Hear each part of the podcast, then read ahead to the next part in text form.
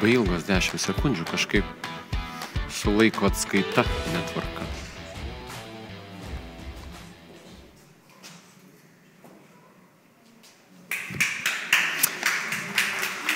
Labas vakaras, tiesioginėme Laisvės TV eteryje Pagonių kiemas. Mes tiesiogiai transliuojam iš čia Švenčiausios mergelės Marijos Ramintojos bažnyčios, kuri dabar kunigo Algirdo Toleto pastangomis yra verčiama po truputėlį tokiu bendruomenės centru, ne vien bažnyčia, bet ir bendruomeninių diskusijų, įvairių būrelių, įvairių e, visuomeninių veiklų vieta sovietiniais laikais čia buvo daržovių sandėlis ir to įrodymus galime matyti visi aplinkui. E, perdangos visuomen, e, bažnyčia suskirstyta į e, tris aukštus, iš tiesų žiaurus sovietinis palikimas, o mes diskutuojame čia, norėdami prisidėti prie šios uh, misijos, atgaivinti šį objektą, paversti jį bendruomeninių diskusijų vieta. Taigi, šiandieną kalbėsime apie moteris Lietuvoje. Ar deklaruojamas lyčių lygiteisiškumas atsispindi kasdienybėje, nuo skriaudžiamųjų iki lyderiaujančiųjų? Koks yra moterų gyvenimas Lietuvoje. Prieš laidą jokavom, kad kokia vasara, tokia ir tema. Aišku, gera, šilta, šiandieną tikrai puikus oras ir man atrodo bus įvairių įdomių minčių šioje diskusijoje. Taip pat kviesiu ir mūsų auditoriją prisijungti prie mūsų diskusijos dalyvių, klausti, bendrauti. E, mūsų eteryje. Taigi, pagonių kieme šiandieną e, vieši Seimo narė, Liberalų sąjūdžio vicepirmininkė Užrinė Armonaitė. Taip pat Europos parlamento narė, moterų teisų ir lyčių lygybės komiteto pirmininkė, socialdemokratė Vilija Blinkevičiūtė. Vilniaus krizių centro direktorė Nijolė Dirsienė. Banko Svetbank Lietuvoje vadovė Dovilė Grigienė. Seimo narė, Tevinės sąjungos Lietuvos krikščionių demokratų frakcijos narė ir galima šios partijos kandidatė prezidento rinkimuose Ingrida Šimonytė. Ir lygių galimybių kontrolierė Agneta Skardžiuvienė. Taigi, tokios ponios e, dalyvauja šiandieną mūsų pagonių kieme, o pradžioje aš truputėlį statistikos. 23 procentai visų nepilnamečių vaikų Lietuvoje auga tik su mama. Tai yra, kas ketvirtas vaikas Lietuvoje auga tik su mama. E, pusė tokių vienišų motinų skursta arba balansuoja ties skurdo riba. Europos Sąjungoje 40 procentų vienišų mamų gyvena pas savo tėvus, nes neišgali gyventi atskirai. Toliau. Smurto artimoje aplinkoje nusikaltimai sudaro daugiau nei pusę visų su smurtu susijusių nusikaltimų. 82 procentai suaugusiųjų nukentėjusiųjų yra moteris. 91 procentas asmenų kaltinamų padarius dėl smurto artimoje aplinkoje užregistruotą nusikaltimą yra vyrai. Net 31 procentas moterų Lietuvoje teigia patyrusios smurtą. Eurobarometro apklausa parodė, kad Lietuvos gyventojai labiausiai linkia pateisinti seksualinį ir psichologinį smurtą prieš moteris lyginant su visų ES valstybių gyventojais. Beveik pusė respondentų yra linkę manyti, kad smurtą išprovokuoja pati auka. Lietuvoje vyrų ir moterų atlyginimo atotrukis vidutiniškai siekia 14 procentų, pavertus šį skaičių darbo dienomis paaiškėja, kad moteris šalyje dirba beveik du mėnesius nemokamai palyginti su vyrais. Dar keletą skaičių. Lietuvoje tarp viešų įstaigų vadovų, viešų įstaigų vadovų yra 37 procentai moterų, o tarp privataus kapitalo bendrovių tik 17 procentų. Seime yra 111 vyrų ir 30 moterų. Praėjusioje kadencijoje buvo 33, trimis daugiau. Šioje vyriausybėje yra dvi ministrės, praėjusiai buvo penkios ir taip toliau ir panašiai. A, gal pradėsiu nuo lygių galimybių kontrolierės. E, jeigu trumpai rezumuotumėt e, tą deklaruojamo lygiai, na, lyčių lygybė man šiaip skamba toks e, truputėlį uh, nelogiškas galbūt terminas, nes bet kuriu atveju fiziologiniai yra skirtumai ir daugybė kitokių dalykų, bet lygiai teisiškumas turbūt yra teisingiausias dalykas, apie ką mes turime, lyg, lygios galimybės, lygios teisės ir taip toliau. Jeigu jums reikėtų apibriežti esminės problemas, kokias jūs jas įvardintumėt? Tai aš kalbėdama apie lyčių lygias galimybės vis tik vartočiau lyčių lygybę, kad lyčių lygybę. apie socialinę lygybę. Tai be abejo, fiziologiškai mes esame skirtingi vyrai ir moteris, bet mes kaip vyras ir moteris mes turime, turime turėti lygias teises į darbą, į karjerą, į, į pajamas, į pensiją ir taip toliau ir taip toliau ir galima toliau vardinti švietimą, į ūkdymą ir panašiai.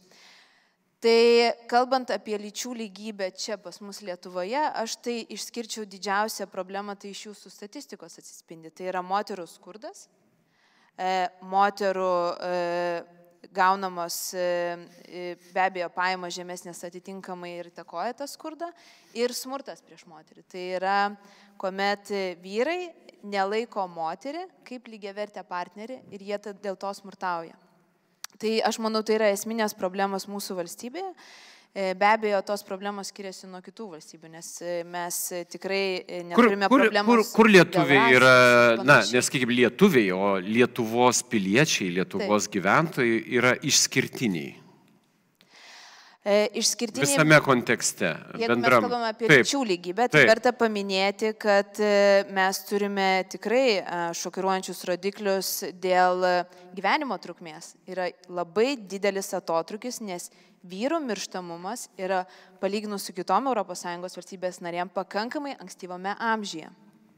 Tai Tai dėl gyvenimo trukmės. Kitas svarbus aspektas tai yra savižudybių rodiklis. Tai vėlgi pirmauja ir mūsų valstybė, ir šitoje vietoje daugiau, daugiau sakykime, savi, savižudybės gyvendina būtent vyrai. Ir šie skaičiai taip pat yra šokiruojantis. Kita vertus, ir pačios moteris patirinčios smurtą, mūsų visos visuomenės apklausos rodikliai rodo, kad visa visuomenė kaltina moterį, kuri patiria smurtą. Ir šitie skaičiai nuo ES valstybės narių vidurkio skiriasi dvigubai kaltinimas. Netgi daugiau, moters. netgi daugiau. Eurobarometro duomenimis taip, ES vidurkis 17, 17 Lietuvoje 45. Taip, taip. Tai e, kaltinti pačią moterį vis tik mūsų visuomenė yra linkusi labiau ir tie skaičiai iš tiesų yra šokiruojantis, kadangi jeigu mes suvokėme, kad pati moteris išprovokavo smurtą ir jinai pati yra dėl to kalta, tai atitinkamai mes matome, su kokiamis pasiekmėmis mes susidurėme.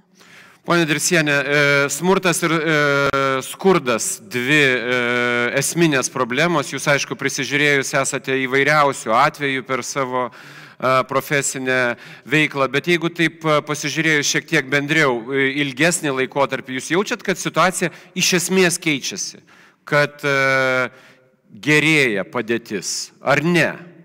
Iš esmės keičiasi, bet ne į gerąją pusę. Tikrai. Nes turim kalbėti pirmiausia, turim kalbėti jau naują problemą moterų kontekste - smurtas ir senėjimas bendruomenės, tai yra pagyvenusių moterų smurtas patiriamas nuo savo vyrų, nusenus ir nuo vaikų kurie nėra sėkmingi savo santokos ir grįžta pas mamą gyventi ir gyvena iš mamos pensijos, net darbo biržoje nestovi, negauna medicininių elementarių paslaugų. Iš vis kalbant apie... Jūs sakot, e, tok, e, tiek tokių atvejų anksčiau nebūdavo? Būdavo labai reti, dabar tampa labai tankus. Vyresnės moteris kenčia nuo smurto artimoje. Ne, patiriama, jos ne tai, kad patiria dabar smurtą, bet jos kreipiasi pagalbos. Ir iš vis, sakysim, ta tendencija statistikos, ne ta bendroji, tai aš manyčiau, kad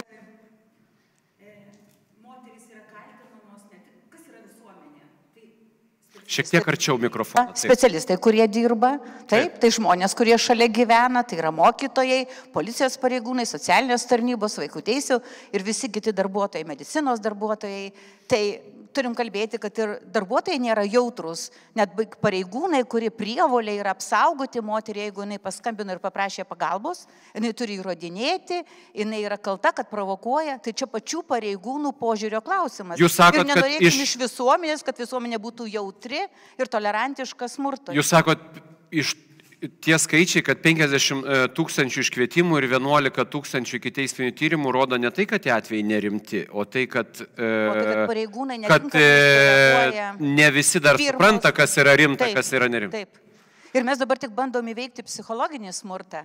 Bandom jį atpažinti su abdukcijom, su melynėm. Nu tai čia tada smurtas yra, o psichologinis. Ir jeigu policijos tyrėjas skambina ir sako, nu kada Lietuvos Respublikoje psichologinė emocinė prievarta yra baudžiama? Finansinis. Finansinis tai iš vis. Čia iš vis. Tabu. Tai va tas skurdas moterų patiriamas ir moterų vienų gyvenančių su vaikais. Ir dabar, sakysim, alimentų fondas perėjo į sodrą. Tai aš galvoju, kad tie tėvai, kurie nemoka savo vaikams išlaikymo, o mama privalo dirbti ant pusantro etato tam, kad jinai tinkamai rūpintųsi vaikais ir iš jos vaikai nebūtų paimti su antru grėsmės lygiu. Tai kur mes einam? Tai negerėja situacija Lietuvoje. Kada e, diskutuojama apie tai įvairiuose politiniuose forumuose, apie moterų teisės, ponia Blinkvičiūtė, dažnai e, Lietuvoje yra sakoma, klausykit, taigi pas mus prezidentė, e, moteris, e, anksčiau dar buvo ir gynybos ministrė moteris, dar finansų ministrė buvo moteris, dar buvo moteris, Seimo pirmininkė buvo moteris. Ką jūs norite? Vis, ko jūs norit? Viskasgi tvarkoja. Ir ta viršūnė tarsi paslėpia visą lietkalnį. Sutinkat su tuo? Na, yra blogai, e, kad paslėpia iš tikrųjų, nes žiūrėkit, aš vis tik tai noriu pasisakyti, Edmondą ir su jumis šiek tiek nesutiktų. Lyčių lygybės terminas yra labai suprantamas ir mes įvertiname. Aš čia šiek tiek provokuodamas pasakiau. Ir mes, į, jo, ir mes įvertiname įvairiose srityse. Ir dabar, kad įvertinti, kokia situacija yra Lietuvoje, Ar mes einam į priekį sudarydami lygias galimybės moterim su vyrais, ar atgal dėja turiu pripažinti, kad Lietuvoje situacija blogėja. Yra toks e, bendras ES lyčių lygybės indeksas. Eigia, e, institutas, lyčių lygybės institutas Vilniuje tokį indeksą daro ir pagal šitą lyčių lygybės indeksą Lietuva iš 28 ES valstybių yra tik 19 vietoje. Dar prieš keletą metų mes buvom, e, na, ta prasme, 16 kaip ir geresniai situacijoje. Ir tai yra vertinama moterų sveikata, moterų e, e dalyvavimas sprendimų prieimimuose, e, moterų smurtas yra vertinamas, moterų žimtumas, moterų e, pajamos finansinis. Ir visur mes prastėjame. Išskyrus vienoje vietoje mūsų rodikliai yra geri. Pasirodo, mes moteris iš tikrųjų labai geros darbininkės, kadangi užimtumo prasme Lietuvoje iš tikrųjų moterų užimtumas yra labai aukštas. Ir va čia duokim klausimą, dėl ko? Ar dėl to, kad mes labai norim dirbti, net, net ir sulaukę pensinio amžiaus, ar dėl to, kad mes paprasčiausiai ne visada išgyvename ir einam dirbti nepilną darbo dieną, mažai apmokamus darbus, e, turim suderinti darbą ir šeimą, kad yra absoliučiai nesuderinama. Kitaip sakant, aš dirbdama Europos parlamente, moterų teisų ir lyčių lygybės komitete, labai matau tą bendrą kontekstą. Tikrai neužtenka turėti moterį prezidentę ar porą moterų E, ministrių ar kažkiek Seimo narių. Tai yra lašas jūroje, nes gyvenimas iš to tikrai nepagerėja. Atvirkščiai, mes turime kalbėti ne tik apie politikoje sprendimų prieimimą, mes turime kalbėti ir versle, ar ne? Ir, ir, ir džiaugiuosi, kad mes nors vieną banko valdybos pirmininkę Lietuvoje turim, bet tik vieną. Mes niekada neturėjom ne vieno universiteto rektorės Lietuvoje, ar ne? Kažkur ne, kažkodėl neturėjom. Nors pagal mūsų išsilavinimą, mūsų moteris, nepykit vyrai, mes gerokai jūs lenkiame. Tačiau vadovaujančias pareigas visose pozicijose kažkodėl užima vyrai. O mes moteris norėdamos karjerą padaryti, turim labai daug ką paukoti. Suprantu, ir galvom būtų aukštesnė, aukštesnėm už, vyrai, už vyrus. Taip. Suprantu, kad e, problema yra didelė ir aktuali. Ir dar vienas dalykas, ponia Grigienė, e, jūs e, esat viena iš iniciatorių burti e, moteris lyderės į jūsų judėjimą, asociaciją, kaip tą be pavadinti, skleisti žinę, inicijuojate įvairias konferencijas. Jaučiat, kad yra tam didelis poreikis tokiam, na, moterų sąjūdžiui, vadinkim, Aš gal norėčiau pradėti pradžioj nuo tokios didesnės perspektyvos. Tai e, iš tiesų lapkričio antrą dieną bus šimtas metų, kai Lietuvoje moteris turi teisę balsuoti. Ir tai yra, buvo labai proaktyvus dalykas tuo metu. Mes iš tiesų buvom tarp lyderiaujančių valstybių pasaulyje. Galim tą pripažinti, mes aplenkėm tokias valstybės kaip Junktinės Amerikos valstijos ir daugelį kitų Europos valstybių. Turim priemę Petkevičaitę, bitę ir, daugia, ir, ir, daugelį, ir daugelį kitų aktyvių visuomenės lyderių tuo metu. Taip. taip, žinoma, tai aš tik noriu pasidžiaugti, kad per tą šimtą metų iš tiesų nueitas labai didelis kelias ir, ir negalima taip iš karto, taip sakant, tik tai sakyti ir, ir galvoti apie blogus dalykus yra iš tiesų labai daug raidos, labai daug įvykių, pasikeitimų. Ir aš irgi labai džiaugiuosi to, kad Lietuvoje moteris labai įstraukė darbo rinką. Taip pat Lietuvoje moteris yra labiausiai išsilavinusios moteris Europoje, jeigu ne pasaulyje turbūt. Tai yra ko pasidžiaugti, tačiau būdama vat, vadovė banko matau keletą esminių tokių socialinių, ekonominių problemų, ką mes vis dar turim. Tai pirmą, aišku, kalbėsiu apie skaičius, tai atlyginimų skirtumas, žinoma, nedžiugina.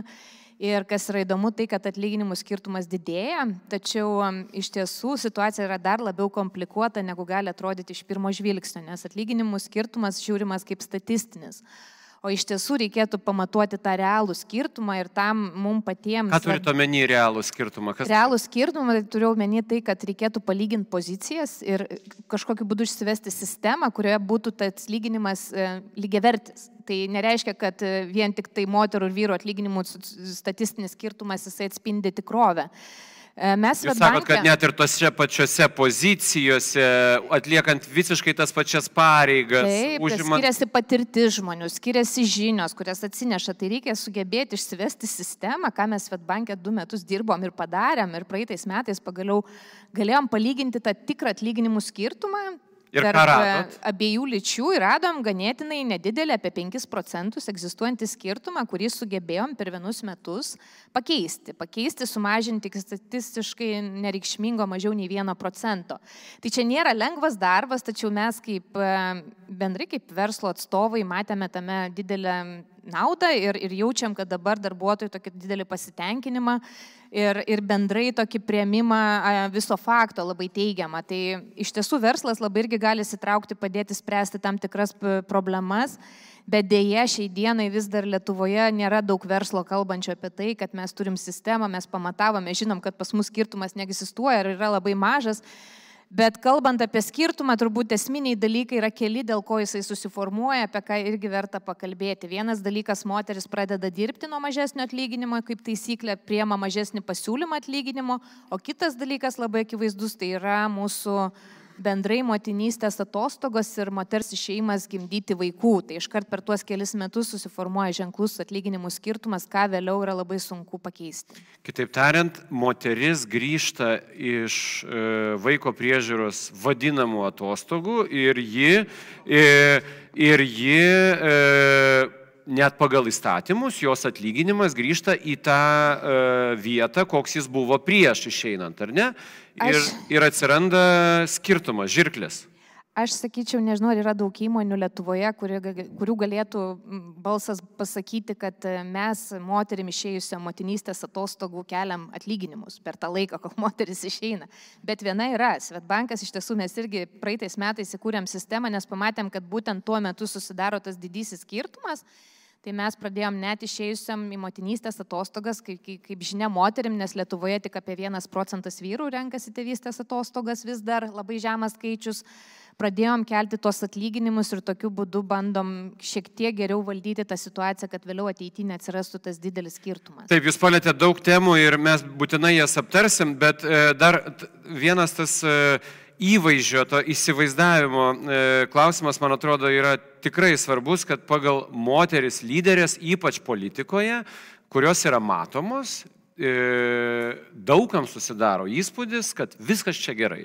Susidurėt su tuo, e, ponė Šimonytė, kad Apie kokias čia moterų problemas mes kalbam? Pasižiūrėkit, e, kandidatė gal net į prezidentus, prezidentė va, e, moteris, taip toliau, jokių problemų nėra. Vakar susidūriau vienam susitikime, prie, prie manęs vaikinas padiskutuoti po susitikimo ir sako, na aš kažkaip galvojau, kad po dešimties metų prezidentės jau reikėtų vyro.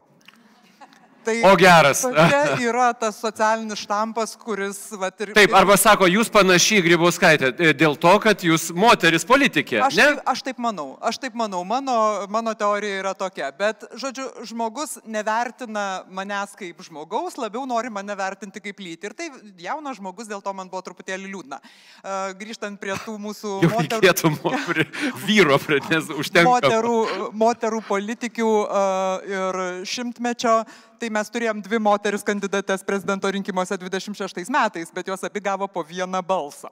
Tai irgi truputėlį e, turbūt mes nuo to e, nuėjome ne, ne, ne taip labai toli. Yra tokio vertinimo, kad O kas čia jums yra blogai, va pažiūrėkit, jūs viską galit, bet ką Vilija teisingai pastebėjo, daugiau viską gali tos moteris, kurios turi mažiau šeiminių įsipareigojimų dėl įvairiausių priežasčių, nebūtinai dėl to, kad padarė kažkokį sąmoningą sprendimą, o dėl to, kad galbūt gyvenime taip susiklosti. Bet kita vertus, jeigu pasižiūrėsime į mūsų, na, tokį socialinį paveikslą, apklausa, kuri buvo visiškai neseniai daryta, berot spinterio, klausinėjo moterų ir vyrų, pavyzdžiui, ar jūs ryštumėtės eiti į poziciją, kur jūs atitinka ten, na, pusę, 70 procentų reikalavimų. Tai didžioji Fantastiški dalis, rezultatai, taip, būt, būtinai tai papasakokit. Ne, ne, net nebandysiu. Didžioji dalis vyrų pasakė taip, okei, okay, tai vadinasi yra, yra stabdis, kuris yra viduje, kuris neleidžia įvertinti adekvačiai savo jėgų. Taip pat yra, aišku, daug objektyvių aplinkybių, kadangi kaip ten bebūtų, už vaikus ir už senus tėvus mūsų šalyje vis dar kaip taisyklė yra atsakingos moteris ir tas darbas nėra dalinamas ir apie atlyginimų skirtumą, jeigu mes pakalbėsime, ką Dovilė minėjo, tai taip ir yra. Ar vyras turi vaikų, ar vyras neturi vaikų, atlyginimų dinamika yra labai panaši statistiškai. Taip, ar moteris neturi vaikų, ar vyras turi, neturi vaikų. Irgi karjeros atlyginimų dinamika yra panaši. Vos tik moteris priima sprendimą turėti vaikų, jos atsilikimas iš karto pasidaro, pasidaro ženklus ir jo paskui nebeįmanoma užpildyti. Vadinasi, tai yra bauda, iš esmės bauda už tai, kad moteris augina vaikus ir mums reikia galvoti, kaip tą baudą sumažinti. Aušrinė. Na, e, iš tikrųjų prisiminiau e, Kanados premjero Justino Trudo e, tokį kaip ir anegdotą, ko gero jis jį pasako labai dažnai, nes mėgsta kalbėti apie lyčių lygybę. E, jisai sako, kai aš pakviečiu e, vyrą kandidatuoti kokiuose nors rinkimuose, jo pirma reakcija yra, kokį kaklaraištį man užsidėti.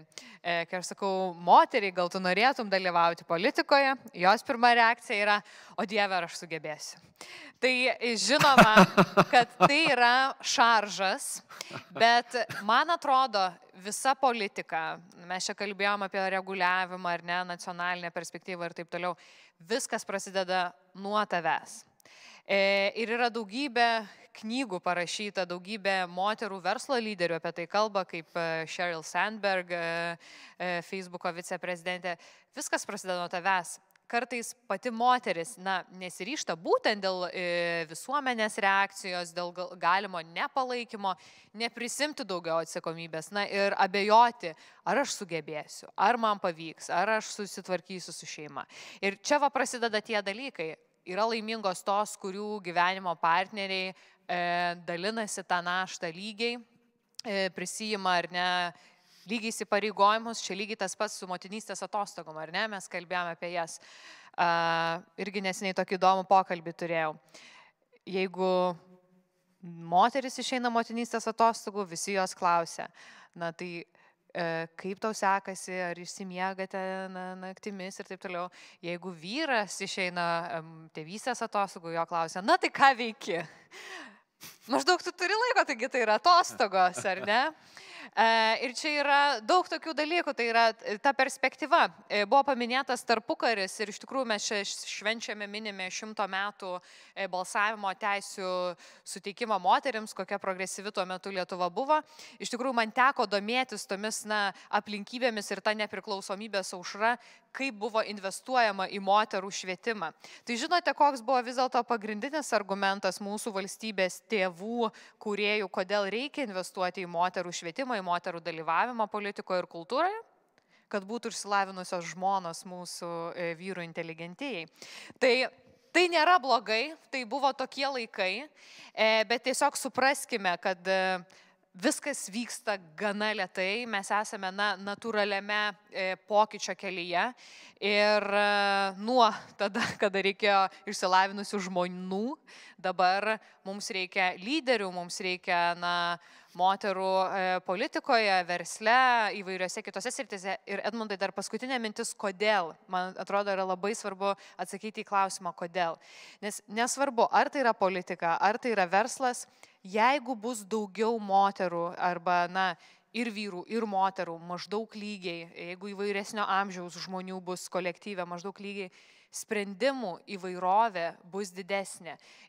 Taigi parlamentui, pavyzdžiui, na, aš ar nedirbu Seime, labai gerai matau, jeigu tenai dominuos vienos grupės žmonės, na, tarkime, pavyzdžiui, nežinau, vidutinio amžiaus ar šiek tiek vyresni e, vyrai, ar ne, e, tai, čia Edmundas kažką parodė, kažkokius gestus. E, tai su panašia, su panašia patirtimi, vadinasi, ir sprendimai na, nebus įvairūs. Moteris e, klausimus mato per na, įvairius kitus kampus ir tai yra ne tik politikoje, taip yra ir versle, ir visur kitur. Ir tai yra labai svarbu turėti omeny.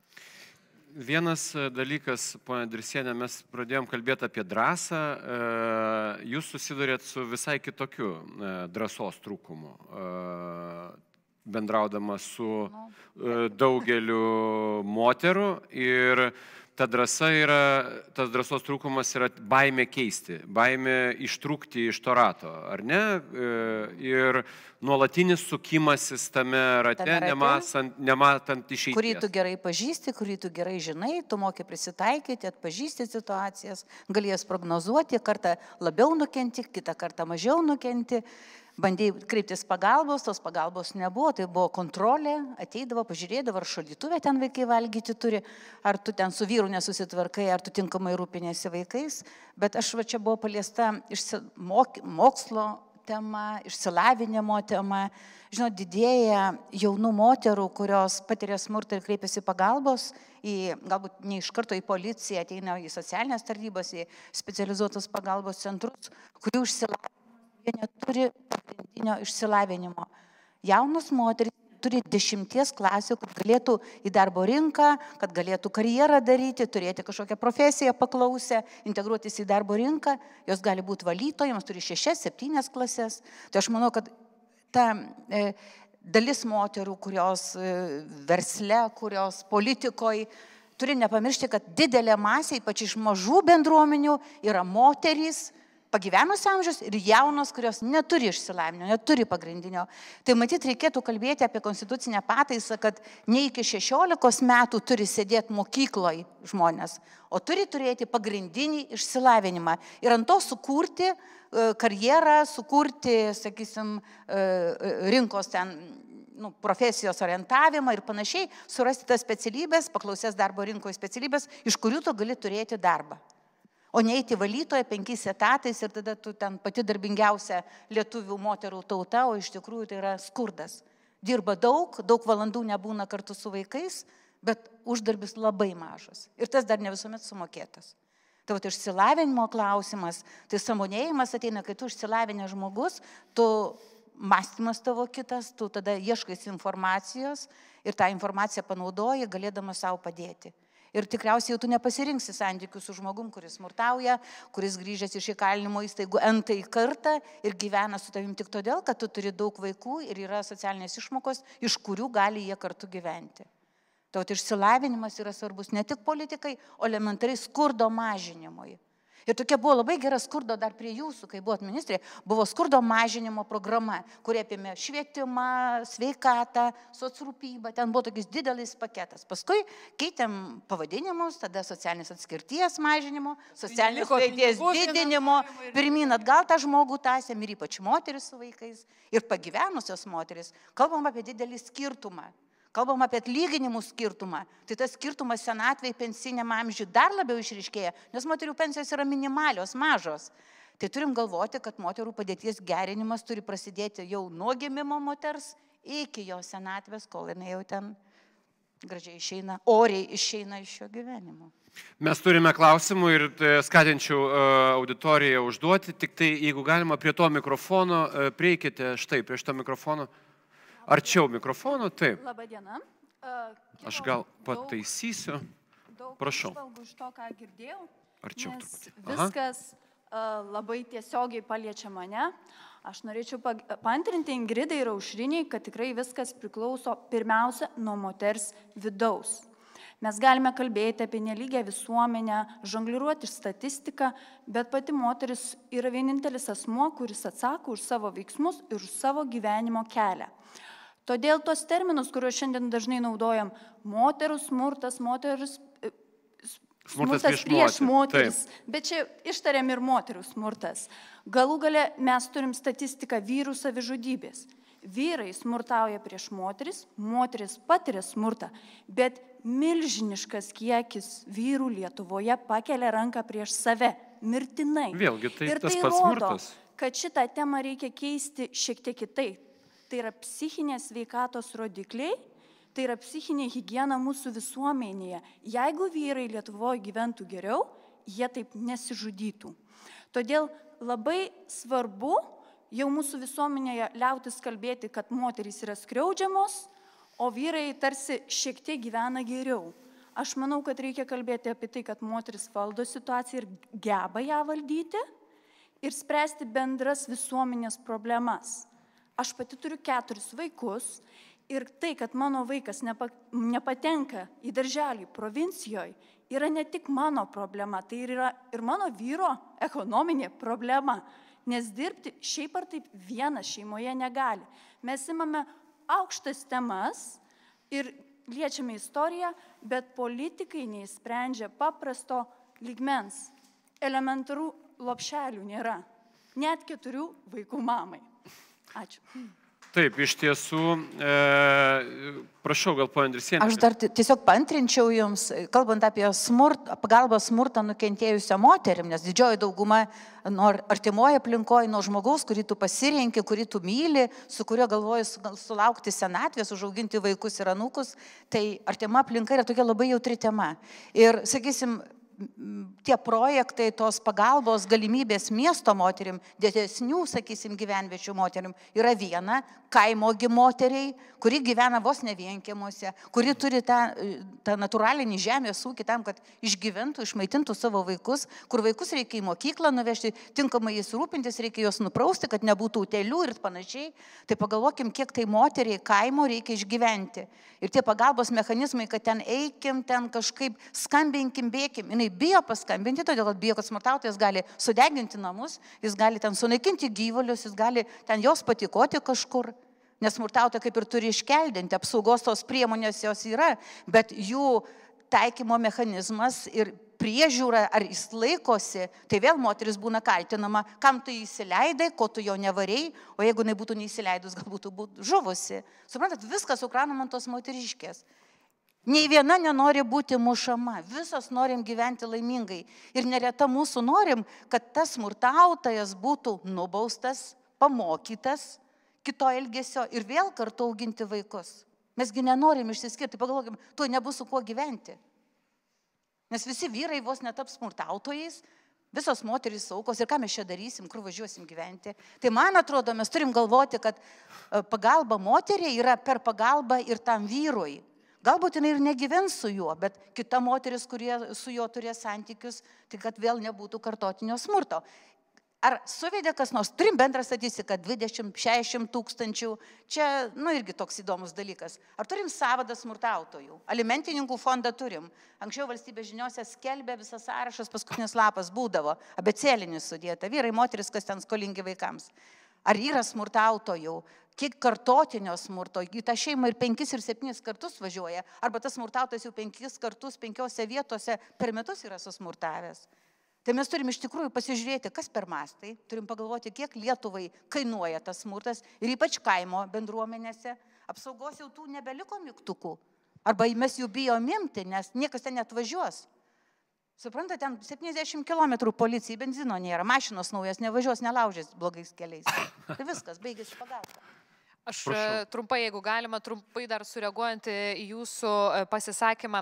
Man atrodo, tai, kad daugėja skundų, nebūtinai reiškia, kad didėja problema. Tai reiškia, kad daugiau moterų ryštasi tą problemą spręsti. Ir jeigu krizių centrai gauna daugiau skambučių, tikėtina, aš beveik esu tuo įstikinusi, kad tiesiog daugiau moterų pasako viskas negaliu, man reikia pagalbos. Tai toks trumpas komentaras. Ačiū Jums iš tikrųjų labai e, už tai, kad palėtėt visuomenės psichikos sveikatos temą. Ir aš visiškai su Jumis sutinku, nes e, man atrodo, kad iš vyrų irgi yra labai daug reikalaujama, iš jų yra labai daug tikimasi. Ir visa tai prasideda mokykloje. E, na, merginos turi gal vienokį traktavimą, vaikinai turi kitokį traktavimą. Ir jeigu mes, kada kalbame apie švietimą, kalbėsime tik apie tai, ar turi būti mokinio krepšelis, ar klasės krepšelis, ar mokytojo etatinis, ar valandinis apmokiamas, mes kalbam tik apie ūkį. Ar ne? Bet mes turime kalbėti apie, apie tai, kas vyksta toje mokykloje.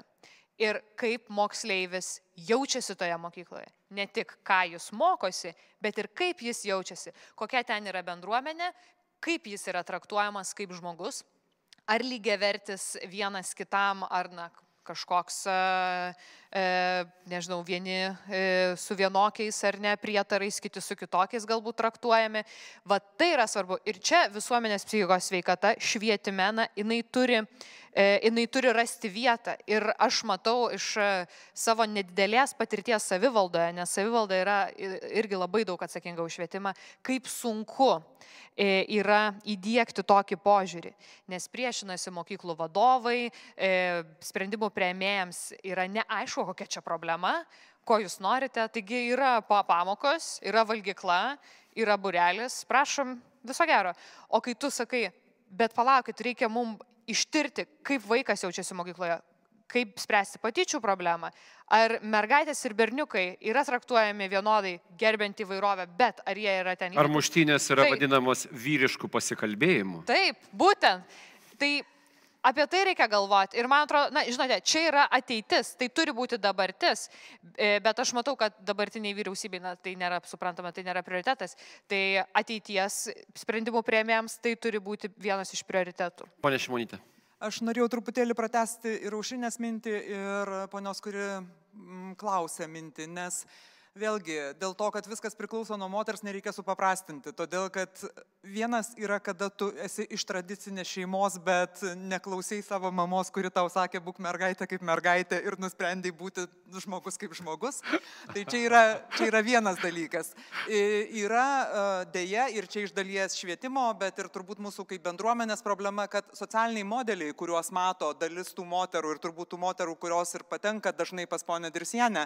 Ir vaikų tos tose šeimose, kurie išeiti, auga kurios ir užauga. Nedrįsta išeiti, reiškia, iš to, iš to rato, tai jom, jom tiesiog negali pasakyti, būk labai drasi, nes na, paprastai tokia moteris nelabai ką gyvenime matė, jos matytas namuose modelis buvo toks pats ir ji tiesiog nesupranta, kad gali būti kitoks gyvenimas arba, arba net nedrįsta apie tai, galbūt nedrįsta apie tai pasvajoti. Tai manau, kad čia yra ta problema, tokia, na, nėra tokia supaprastinta, kad būk drasi ir viską padarysi. Iš tikrųjų, mums reikia kaip visuomeniai, kaip bendruomeniai, per švietimą, per, per, per per, per kitas iniciatyvas tiesiog na, parodyti kitą pavyzdį, parodyti, kad yra galimybės, bet tam, kad tos galimybės būtų, be jokios abejonės infrastruktūra turi būti. Ir man labai gaila, kad mes daugiau laiko praleidžiam diskutuodami, kokia šeima yra teisinga vietoj to, kad iš tikrųjų diskutuotumėme apie tai, kaip, kaip tom šeimom padėti. Ir aš čia turiu mintį ne tik šeimas auginančias vaikus, bet taip pat šeimas turinčias lygotus ir senus tėvus ir, ir visą, visą, e, visą infrastruktūrą, kuri yra reikalinga tam, kad žmogus tiesiog jaustųsi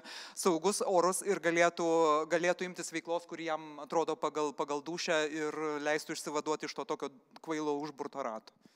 Taip, iš tiesų tos e, apibrėžimų paieškos yra vienas didžiausių turbūt absurdų, kokie vyksta valstybėje daugybę metų ir kurie tikrai turbūt niekur nenuves, nes e, kam ieškoti apibrėžimo, jeigu parama vaikui, tai vaikui, jeigu būstui, tai būstui, koks skirtumas, kas, kas ten apibrėžta, bet e, ponia Blinkievičiūtė, ne apie tai turbūt norėjot pasakyti, prašau. Aš tai noriu sureaguoti, nežinau jūsų vardo, Judita.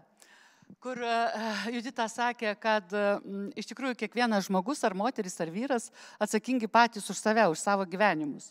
Mes iš tikrųjų patys esame atsakingi už savo gyvenimus. Bet aš labai daug pavyzdžių esu mačius gyvenime, kad jeigu tau nepadės bendruomenė, kad jeigu tau nepadės kaimynas, kad jeigu tau nepadės tam tikros kitą kartą institucijos ir taip toliau, tu vienas ne visada susitvarkysi su savo problemom, ar ne? Ir kai mes dabar kalbam, jūs sakote, kad iš tikrųjų, kodėl mes kalbam, kad uh, uh, smurtauja prieš, e, na, prieš moteris, ar ne, bet kiek yra ir nukentėjusių vyrų, kiek yra savižudybių, absoliučiai sutinku su jumis. Bet mes pasižiūrėkim, kodėl taip yra ir kas atsitinka ir jums pritariu. Aš žiūriu tą smurtautojo vyro, šiuo atveju e, paveikslą, portretą, ar ne. Matau, kad didžioji dalis jų smurtauja apsvaigę nuo alkoholio, nuo narkotikų. Didžioji dalis jų neturi įsilavinimo ir tuo metu, na, e, profesinio, tuo metu nedirba, ne, nedirba, nesimoko. Kitaip sakant, jie iš tikrųjų galbūt krenta į depresiją, galbūt save taip stengiasi išreikšti, pakeldamas ranką prieš silpnesnį. Bet žinot, kur yra apskritai man atrodo, sprendimo e, raktas, sprendimo galimybės. Mes tiesiog, mes visuomenė, mes politikai, mes visi bendrai per mažai investuojame į mūsų vaikus. Iš tikrųjų taip, investicijos į vaikus turi būti čia ir dabar ir jos iš karto atsiperka. Bet politikai to nesupranta, nes iš tikrųjų mes geriau investuosim betoną, ar ne?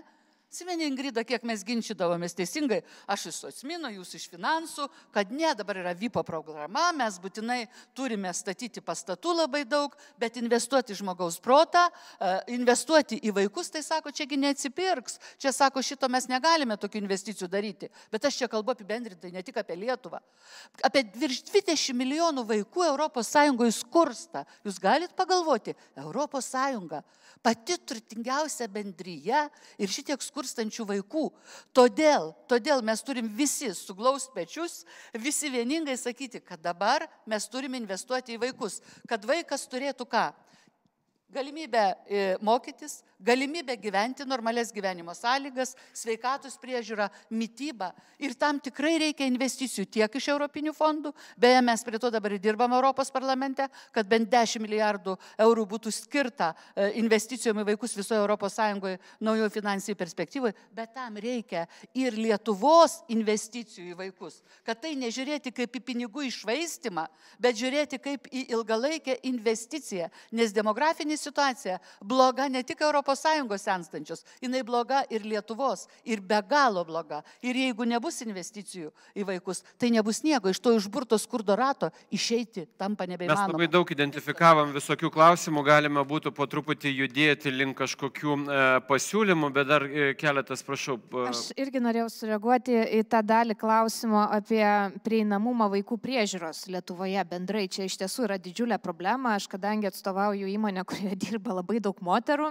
ir pas mus nuolatos apie 10 procentų visų darbuotojų yra atostogose motinystės, dažniausiai, nes tėvystės yra tik apie 1 procentą kol kas. Ir, ir tikrai yra keletas net puikių pavyzdžių kitų šalių, kur, kur tą problemą yra išsprendę. Tai man pačiai teko gyventi Junktinėse valstijose ir, ir pačiai teko atiduoti trijų mėnesių sūnų, po vėliau dukrą į darželį, kur priema tokius vaikus, tie darželiai tam skirti, nuo šešių savaičių gali palikti vaiką darželėje. Tai vienareikšmiškai, kad sistemiškai sprendžiasi labai daug problemų. Tai kitą pavyzdį, ką reikėtų įvardinti, turbūt yra Švedija labai puikia sistema vaikų priežiūros sukūrus ir tai prasidėjo labai seniai. 1974 metais jie pirmą kartą patvirtino neperinamas tėvystės atostogas abiem tevam. Ir vienam ir kitam po tam tikrą dienų skaičių Bet čia problema neišsisprendžia, nes reikia, kad būtų kur tos vaikus palikti. Vienareikšmiškai, jeigu abu tėvai norės dirbti po, po greito laiko, tai jie taip pat puikiai sukūrė infrastruktūrą, labai pigią infrastruktūrą vaikų priežiūros ir iš tiesų nuo to laiko yra labai teisingam kelyje ir šiuo metus, kaip ir minėjau, jau 40 procentų vyrų yra įsitraukusių. Kodėl tą sakau, tai svarbu ir dėl socialinių, psichologinių dalykų, nes vyras, kuris įsitraukęs ir augina vaiką, aš irgi manau, kad visai jaus kitokį ryšį ir padės spręsti ir daugumą kitų psichologinių egzistuojančių problemų. Pone Šimonytė, e, ne, gerai, judam toliau. E, ką, ką ir e, palėtė ponė Grigienė, neperleidžiamos vaiko priežiūros atostogos. Žinot, aš visą laiką turiu tokį na, palyginimą ar posakį jau daugybę metų, kad jeigu pasiekus kokių 35-40 metų vyras ir moteris e, užima tam, tikra, tam tikras dažniausiai vienodas e, pozicijas karjeroje, bet moteris turi bent du vaikus, tai tikrai gali žinot, kad ji mažiausiai du kartus talentingesnė už tą vyrą, nes, e, nes, ji, nes ji kurį laiką negalėjo siekti karjeros, ji negalėjo dirbti, ji negalėjo investuoti į save, o atsidūrė toj pačioj pozicijoje, nes ji augino e, du vaikus. Tai tikėtina ketverius ar bent dviejus metus buvo e, iš to karjeros lenktyniavimo iškritusi. Vienas iš Vienas iš siūlymų yra Lietuvoje įvesti tokį modelį, koks yra Švedijoje, neperleidžiamas vaiko priežiūros atostogas, kaip Švedijoje iš viso vaiko priežiūros atostogų negali perleisti e, trijų mėnesių per metus, o precedentas Švedijoje apskaitai yra toksai, kad pirmus šešis mėnesius eina mama, antrus šešis mėnesius eina tėtis. Dažniausiai, turbūt labiausiai uh, paplitęs toksai yra modelis. Lietuvoje įmanoma tai būtų įtvirtinti, kaip Jūs manot, su dabartiniu požiūriu, kai net bankė E, vienoj pažangiausių e, turbūt vadybos prasme ir apskaitai požiūrio į darbuotojus vietoje, tik sakėt, vienas procentas tėvystės atostogose yra toks retas atvejis. Ar tai įmanoma būtų įtvirtinti Lietuvoje? Nežinau, atviras klausimas, ponė Šimonytė, jūsų nuomonė. Na, turėjom neseniai diskusiją Seime kaip tik šiuo klausimu ir turėjom e, keletą pranešėjų ir Skandinavijos patirtį išnagrinėjom. Šiaip nėra taip labai vienareikšmiškas ir tas patyrimas, nes mes matome, kad iš pradžių ta pirmoji banga tėvų įsijungė prisijungusių buvo labai didelė, bet paskui entuzijazmas šiek tiek prislobo, kaip ir viskas na, prisitaikė tiesiog prie naujos pusiausviros ir negalime pasakyti, kad, pavyzdžiui, turim 50 procentų ir tose valstybėse, kur, kur, kur, šita schema, kur šita schema galioja. Tačiau akivaizdu, kad kad tai, ką mes šiandien turim, tai mes daugiau save apsigaudinėjom, nes turime uh, tą vieną mėnesį iš karto po kūdikio gimimo, kada turbūt vis vien didžiąją dalį darbo dirba, uh, dirba mama, o paskui turime daugiau, vis atrodo daugiau vyrų, kurie eina tėvystės atostogų, bet jeigu pasižiūri į skaičius, tai matai, kad tai yra antri metai Ir jeigu žinai, kokios yra išmokų sąlygos, tai supranti, kad tas yra daroma didžiaja dalim tiesiog dėl elementarių materialių sumetimų, nes gali dirbti. Tai kam labiau apsimoka dirbti ir gauti išmoką, paprastai. Kadangi atlyginimų skirtumas yra didelis, tai Taip. O yra išmokų lubos. Tai, tai mes čia daugia... sukamės tokiam taip. truputėlį uždaram ratę ir šiek tiek save apsigaudinėjom, nors aš nesakau, kad ta situacija negerėja. Tikrai, jeigu žiūri jaunas šeimas, kurias vat, matai su, su kūdikiais ir mažais vaikais, tai vis daugiau ir daugiau matai vyrų leidžiančių, leidžiančių laiką nuolat su savo vaikais. Tai diskutuoti manau, kad reikia apie visas patirtis, kurios gali leisti bent kiek tą baudą moteriams sumažinti, o galbūt ir iš viso panaikinti. Už tai tą ir bandom daryti.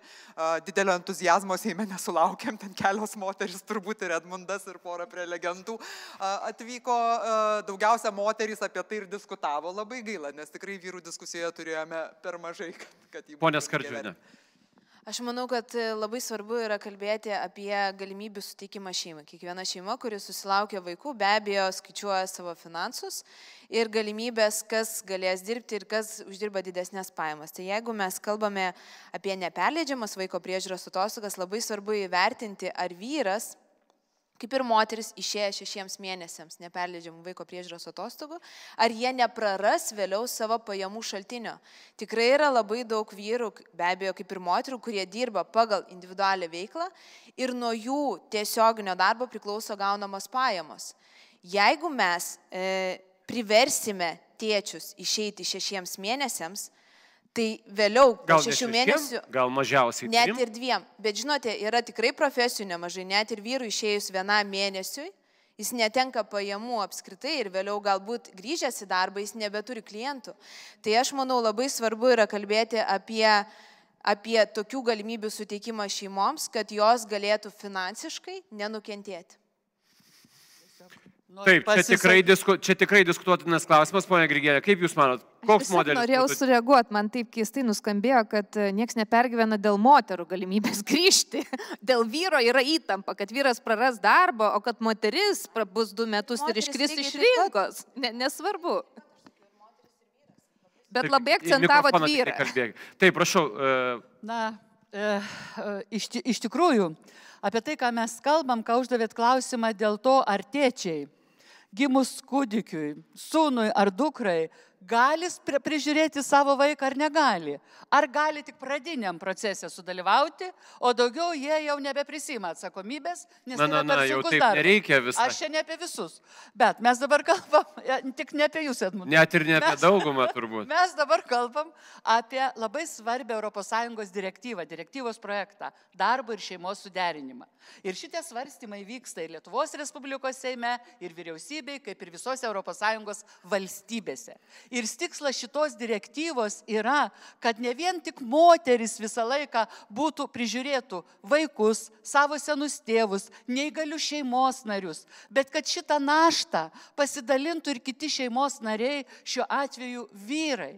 Ir todėl šitoj direktyvoj, kuri būtų privaloma ir Lietuvai kaip įstatymas, yra labai svarbus dalykai įdėti, kad atsirastų tėčio atostogos, tai ne tas pats, kas vaiko priežiūros. Ta, ką mes turime, labai seniai įvedėm, atsimenu, dar dirbo ministrė ir kai paėmė vienas tėtis, jis prokuroras vieno rajono, visi nustebo, kas dabar bus. Prokuroras vieną mėnesį išėjo uh, savo kūdikiu gimus atostogų. Turbūt padidės nusikalstamumas. Niekas neįvyko. Jis irgi žmogus. Ir dabar jau nieko nestebina, kada tėčiai ima tėčio atostogas. Dabar mes kalbam apie vaiko priežiūros atostogus, kurios yra ilgesnis.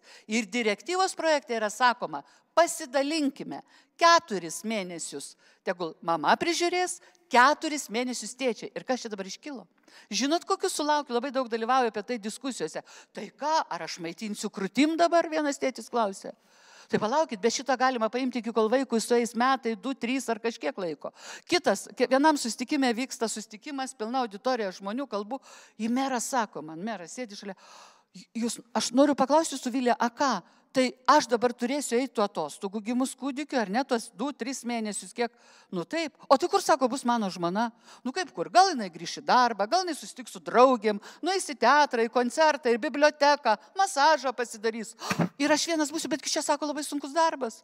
Taip, sakau, merė, bet a jum valdyti rajoną nesunkus darbas, o auginti savo kūdikį prižiūrėti 2-3 mėnesius jau yra sunkus darbas. Matot, kaip reikia kalbėti, diskutuoti ir matyti tą problemą. Labai... Vienas iš, vienas iš dalykų, apie ką mes kalbėjom, kurie tikrai didina atskirtį, sakykime, taip ir finansiniai, ir karjeros, tai yra tėvystės, motinystės, vaiko priežiūro atostogos, kaip jas, e, kaip jas bevadinsim, ar iš viso kažkokiu laikotarpiu tas žodis atostogos irgi toks sunkiai suvokiamas. Bet, e, ar įmanoma, esant dabartiniai, nežinau, politiniai kultūrai, požiūriui į šeimą, kaip, kaip nori tą aplinką gali pavadinti, įtvirtinti Lietuvoje neperleidžiamo, tos, neperleidžiamo to laikotarpio kažkokį tai terminą. Pone Armanatė, jūsų nuomonė? Aš manau, kad įmanoma. Ar tikrai?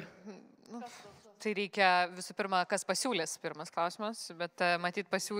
yra e, idėjų ir įmanoma. E, tik tai, matyt, reikia, aš tai pasakysiu, čia bet kuriuo klausimu, tiesą sakant. Yra žmonės, kurie labai palaiko, yra žmonės, kurie yra labai prieš. Ir tada yra, čia aš kalbu apie parlamento narius, sprendimų priemės. Yra tada didelė dalis žmonių, kurie neturi informacijos. Ir jeigu tu jiems suteiksi argumentus, e, aišku, į diskusijas prisikviesti labai sunku yra, bet e, jeigu tu kažkaip, na, nevyriausybininkai ar tas, na, mūsų, pavyzdžiui, institucijos, nežinau, lygių galimybių kontrolierius tarnyba ar kitos, jeigu jos įsijungtų ir sakytų, tai yra labai svarbu, yra įmanoma, bet tai yra darbas, kurį reikia padaryti, bet čia yra normalus politinis darbas. Tai net, ponė Dirsinė, tai net profilaktiškai veiktų, man atrodo, net ir ta, tokius atvejus, su kuriais jūs susidurėt. Žinot, be abejo, tai aš noriu pasakyti, prieš gerus dešimt metų šeimos darbo derinimo mes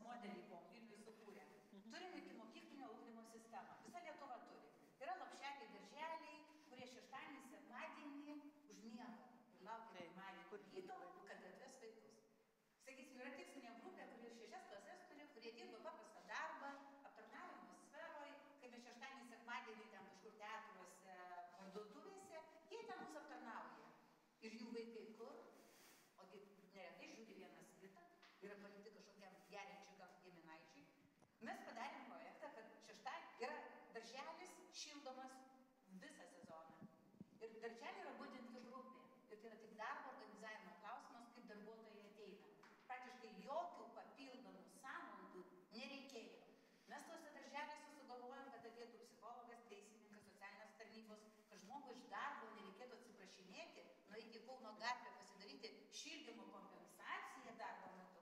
Jis ateina po darbo, jis žino konsultantų dieną, jis gauna reikiamas paslaugas, pasišneka apie vaikų gerbuvį, apie emocinį stovį, mes tada matom tėvus, matom, kur ten smurto, už, smurto prevencija prasidėjo nuo pagalbos šeimai.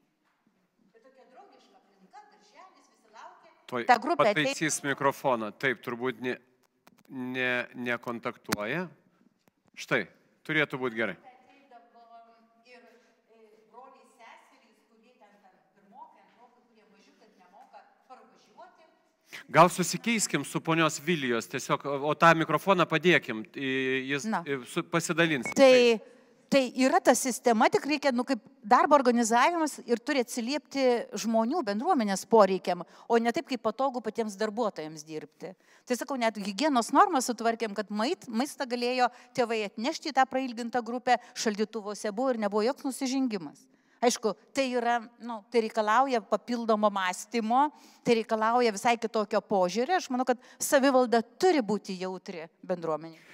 Aš tik vieną sakinį pridėsiu, kadangi Edmunda jūs paklausėt, ar įmanoma na, pritarti šitai direktyvai, kadangi vyksta triologai, vyksta svarstymai dabar. Čia ne, ne vien apie direktyvą Jo, kalba, bet- čia jo, kalba bet, dėl, apie... jo, jo, bet aš, pavyzdžiui, apie e, e, neperkel, neperkelimas tėvo atostogas, Taip. vaikų priežiūrai ir taip toliau. Ir va, šitai pagalvojau, o žinot, žinot, kada bus tai įmanoma? Aš nežinau, ar bus įmanoma šitos kadencijos Seime. Dabar paprovokuosiu, bus įmanoma tada, kada Lietuvos Respublikos Seime bus daugiau moterų išrinkta.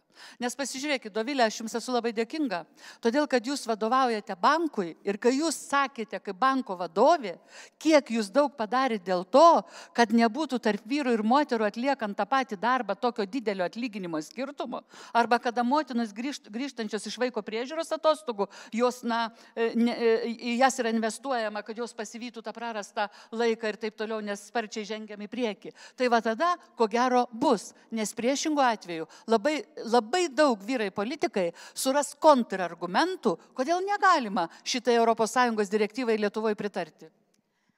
Aš gal irgi šiek tiek sureaguosiu labai trumpai. Tai iš tiesų aš manau, kad vienas dalykas yra, kas vyksta valstybės mastu, bet kitas dalykas yra, kas vyksta privačiam sektoriui. Tai kažkaip kiek ta transformacija greičiau vyksta privačiam sektoriu ir net jau mes viduje organizacijos turim diskusiją apie tai, kaip padaryti sąlygą žmonėm, paskatinti abu šeimos narius, abu tėvus įsitraukti būtent į tą tėvystės atostogas. Ir iš tiesų Skandinavijoje yra populiarus modelis, kur įmonės prisideda, paskatina, padidina tą atlyginimą tuo metu, kad nebūtų jokių skirtumų, kad būtų nu, tikrai reali paskata ir finansinė tą daryti. Tai aš labai tikiuosi, kad versle kažkaip prasidės tas sąjudis, galima sakyti, ir tuomet taip pat taip plis ir plis. Ir aš manau, kad tikrai konkuren, konkurencinė aplinka yra labai didelė, konkuruojam dėl darbo jėgos, kuri akise keičiasi ir, ir visiems tai taps aktualūs klausimai. Tai labai to ir norėčiau palinkėti. Aš manau, kad ir dėl direktyvos turbūt bus diskutuojama ilgai, dėl tų pačių priežasčių, turbūt ir dėl įstatymo bus diskutuojama ilgai ir čia bus tokių argumentų, kaip gal, o kaip čia dabar bus, kaip mes čia versim vyrus tą daryti ir ar čia taip galima ir taip toliau ir panašiai. Bet tai yra alternatyvus sprendimas iš esmės, kol mes diskutuojam va šitą intelektualią temą, tai yra infrastruktūra kuri tiesiog leistų moteriai grįžti į darbo rinką, ar nu, nenori vyras būti su vaiku tuos kelius mėnesius, ar įsivaizduoja, kad nesusitvarkys, okei, okay, bet tiesiog, kad, na, kad, kad nebūtų to užrakinimo, tiesiog dėl to, kad na, nėra kitos išeities, todėl kad vis tiek vaikui turi būti bent du metai, kad paskui susirastum, kur, kur galėtum tą vaiką palikti. Tai manau, kad jeigu jau politikai nesusitars dėl to, tai gali tada tiesiog tartis dėl paprastesnių ir labiau suprantamų sprendimų. Jūs jau kurį laiką laukėt, prašau, pasisakykit ir po to. Apie neperleidžiamas tėvystės atostogos. Yra tam tikras pavojus, kad neparuoštoj bendruomeniai, visuomeniai tai taps motinystės atostogų sutrumpinimu, kai nukenčia vaikas, jisai mažiau būna su savo artimai žmonėmis. Ir todėl svarbu nedaryti tokios prievartos, kad štai mes paversim Lietuvos, priversim Lietuvos tėčius nuo tos ir tos datos. O kaip išeiti. daryti? Kaip siūlo daryti? E, lankstus, Tai ir dabar yra lankstus, bet kūdikio, dabar yra lankstus. Kas nori, kas nori, tikrai gali pasiekti. Aš savo aplinkoje tikrai turiu ne Kilnojamos- vieną pažįstamą bičiulį, kuris yra išėjęs ar buvo išėjęs tėvystės atostogų. kilnojamos ar ilgesnės tėčio atostogos po gimimo, kurios gali būti vėliau, arba tai gali būti papildomos atostogos pamamos, o ta šiai dienai yra lankstu, tėvai turi tą galimybę, matom, kad nenori naudotis, bet jeigu primesim ir sutrumpindami mamos atostogas, ar nebus taip, kad tiesiog sodra sutaupys, mamos anksčiau grįžti į darbą, bet vėlgi tėčiai vaikų nenorės. Arba, sakot, bus išėjęs formaliai atostogo, Taip. jo niekur nebus. Taip, o mama vaiką prižiūrės. O, o mama tuo metu ir dirbs, ir vaiką prižiūrės, ar ne? Visko gali būti, bet apie, apie tai, e, ar... ar e, ar įmanoma pakeisti e, įstatymus, taip aišku, čia būtų daug diskusijų, bet vienas iš iliustruojančių turbūt gerai pavyzdžių yra Stambulo konvencija. E, pone Blinkievičiūtė, e, kiek yra ES šalių neratifikavusių šiai dienai? Iš 28 valstybių neratifikavę yra tik 7 valstybės, 21 yra ratifikavusi ir, nu, galim dabar jau UK, Jungtinė karalystė, kaip tam, tarkim, atmeskim, tai liko Lietuva, Latvija, Vengrija, Slovakija, Čekija ir ko gero viskas. Ir turbūt Rumunija arba Bulgarija. Ne, Rumunija, Rumunija, ne, Rumunija ratifikavo Bulgariją, teisingai. Bulgarijoje yra labai keista situacija, jie nuėjo net iki konstitucinio teismo, jų konstitucinis teismas surado kažkokiu tai prieštaravimu Stambulo konvencijoje, e, e, Bulgarijos konstitucijoje, bet esmė, žinot, kokia yra, kad iš Bulgarijos ir labai keisti filmukai ir Lietuvą sklinda tai e, apie Stambulo konvenciją. Todėl čia labai reikėtų rimtai pasidomėti, kas yra prieš, kas yra skleidžia, skleidžia neigiamą reakciją. Ir aš tiesiog neįsivaizduoju, kodėl Lietuvoje mes neratifikuojame. Visiškai neįtikėtina e, situacija. Kad žinotų mūsų žmonės, Stambulo konvencija tai yra Europos tarybos konvencija skirta kovai su smurtu prieš moteris ir su smurtu artimoje aplinkoje. Būtent. Ir viskas, ir daugiau nieko. Kažkas ten randa kažkokių trečių lyčių. E, Nes ar dar kažkokių keistų dalykų. Politiniai dabartiniai lyderiai, turiuomenį Seimo pirmininką ir ministrą pirmininką, pozuoja su lentelėmis. E, per rinkimus, nežinodami, ką tai reiškia. E, po to e, jiems kažkas išverčia, turbūt, kad ten kažkas parašyta. Socialinė lytis ir pasimeta, įsigasta, nesupranta, neįsigilina. Čia tiesiog yra neišprusimas. Žinot, aš iš tikrųjų dirbu Europos parlamente ir mes e, nemažai šitą temą diskutuojame, mes vertinam šalių narių patirtį. Ir kai aš išgirstu, kad, na, vienas iš, atsiprašau, truputį papolitikuosiu, nors nenorėčiau, bet vienas iš valdančiosios partijos dabartinės vadovų pasako, taigi čia mums nereikia Stambulo konvencijos Lietuvai ratifikuoti, jūs sako juokaujant, jinaigi sako yra skirta tom valstybėm atsilikusiam, kurios neturi jokių mechanizmų kitų, kaip kovoti su smurtu. Klausykite, tai yra visiškas nonsensas, visiškas nesupratimas. Tai visos tos valstybės - Vokietija, Skandinavijos šalis, Italija, Ispanija, Graikija, kokia be pai, Lenkija kaimininė, katalikiška valstybė, Malta katalikiška valstybė. Jos visos ratifikavę šitą konvenciją. Paskutinį, net Luksemburgas, čia rėmėsi mūsų ministerija, mūsų ministerija socialinės apsaugos ir darbo ministerija. Rėmėsi, jūsų, na, jūsų. Nu, Nu taip, 25 metai ten dirbti, tai žinot, ne, niekaip, nu nepamiršti, šito negali pamiršti žmogus. Tai va, tai sako, mes dabar remiamės tuo pavyzdžiu, kad Luksemburgas dar, na, žodžiu, tai yra labai keista. Ir jo labiau, kad pasižiūrėkim, pačioj vyriausybei dabartiniai, ar ne, yra skilimas. Aš tikrai labai vertinu ir gerbiu užsienio reikalų ministrą Liną Linkevičių, kuris deda labai daug pastangų ir nekartą aiškino, kad jis už Stambulo konvencijos ratifikavimą, tuo tarpu socialinės apsaugos ir darbo ministras Linas Kukuraitis sakė, reikia mums įsiaiškinti dėl savokų. Mėlyjei, iš savo praktikos sakau, jeigu nenori nieko valstybei padaryti gero, tai visą laiką diskutuok dėl savokų. Tai va čia yra Prašau. blogai. Aš iš tikrųjų manau, kad e, šitas susitarimas dėl smurto mažinimo ir priemonių, ten iš tikrųjų yra rekomendacijos. E, tome dokumente yra rekomendacijos, kaip valstybei įgyvendinti efektyvesnės priemonės, kad na, būtų mažinamas smurtas. E, yra čia, žinokite, labai ir daug dėja ciniško ir racionalaus grūdo. Yra politikų e, šiuometinėje valdančioje daugumoje, kuriems reikia priešo. Ir jie tą priešą susikūrė. Tai yra Stambulo konvencija. E, tai yra iš tikrųjų, aš na, pasakysiu paprastai, tai yra paprastas radikalios dešinės populizmas, e, sukuriant e, įvairius mitus, Tai yra ir profesionali demagogija, kada tu sukuri teiginį ar sukuri kažkokią tiesą ir tada su jie diskutuoji. Įtį, ar ne? Ar ne? Tu tada su jie diskutuoji. Nors tas dokumentas yra ne apie tai. Tai yra labai patogu politiniams dividendams ir taip toliau ir taip toliau. Nes tu, na, kurstai visuomenėje kažkokį aštrius kampus. Dabar dėl Lino Linkevičiaus. Na, iš tikrųjų yra neįtikėtina, kad žmogaus teisų klausimus Lietuvoje sprendžia užsienio reikalų ministras. Suprask, šitos idėjos yra eksportui yra Europai, yra mūsų partneriams. Ir Linkevičiau, tu kaip užsienio reikalų ministras, na gerai, gali, gali kalbėti tomis temomis, bet mes, kurie iš tikrųjų esame atsakingi už tai, pavyzdžiui, socialinės apsaugos ir darbo ministras, tylėsim ir sakysim, tai netitinka mūsų partijos programai. Tai aš dar daugiau norėčiau pasakyti vieną tokią labai labai liūdną savo patirtį iš Seimo salės. E, buvo diskusija pakilusi dėl šitos konvencijos ir smurto prieš moteris. Ir žinote, na ten visi sakė tos e, tradicinių vertybių, ne, kabutėse gynėjai, kad, na iš tikrųjų, smurtas prieš moteris turi būti draudžiamas. Juk, na, smurtas prieš tas tradicinės šeimos moteris, suprask, jeigu mes kalbėtume apie netradicinę šeimą, apie galbūt, na, homoseksualius žmonės, suprask, galbūt tie sprendimo prieimėjai smurtą pateisintų.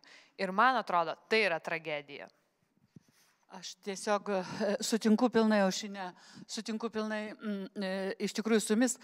Aš tiesiog tik noriu priminti, kad e, šį birželį Lietuvoje vyko pasaulio moterų lyderių forumas ir šitam forumo globėja buvo mūsų prezidentė Dalė Grybauskaitė ir man teko irgi dalyvauti, buvo suvažiavę turbūt iš kokių 48 ir 47 valstybių moteris pasaulio lyderis ir iš tikrųjų, kadangi buvo diskusija ir apie smurtą prieš moteris, ir apie e, tarybos, e, tarybos konvenciją, e, Stambulo konvenciją, tai aišku, žinokit, nu, buvo gėda. Nu, žinot, kai būna, nu, gėda, gėda už valstybę, už Lietuvą, nu, kodėl mes taip. Ir tada aš supratau. Turite omeny gėdą dėl neratifikuotos taip, konvencijos. Taip, nes nėra, nėra kaip nėra aiškinti, ar ne? Suprantate? Ir tada aš suprantu, kad matyt, na, prezidentė neapsikentė ir jinai atėjo iš tą forumą ir sako iš Seimo tribūnos, aš pati pateiksiu ratifikavimui kaip prezidentė Seimui šitą konvenciją. Pateikė vis tiek stalčiuose. Na, iš tikrųjų atskleisiu gal šiek tiek detalių. Mes bijome, kad e, gali konvencija nepraeiti pateikimo. Prezidentė teikia, O Seimas gali tiesiog, turint galvoje Seimo daugumos santykius su prezidentė, turint galvoje... Sako, tai jau geriau laikulį. Aš, nema, aš nemanau. Tikintis kitų laikų. Aš manau, kad reikia sprendimo kuo greičiau, bet aš tiesiog sakau priežastis, kad, na, mes turim tokią situaciją, tokios politinės pažiūros dominuoja šiuo metu ir yra, na, valdžia. Aš nesakau, kad valstybė dominuoja, bet šiuo metu tiesiog tokia valdžia.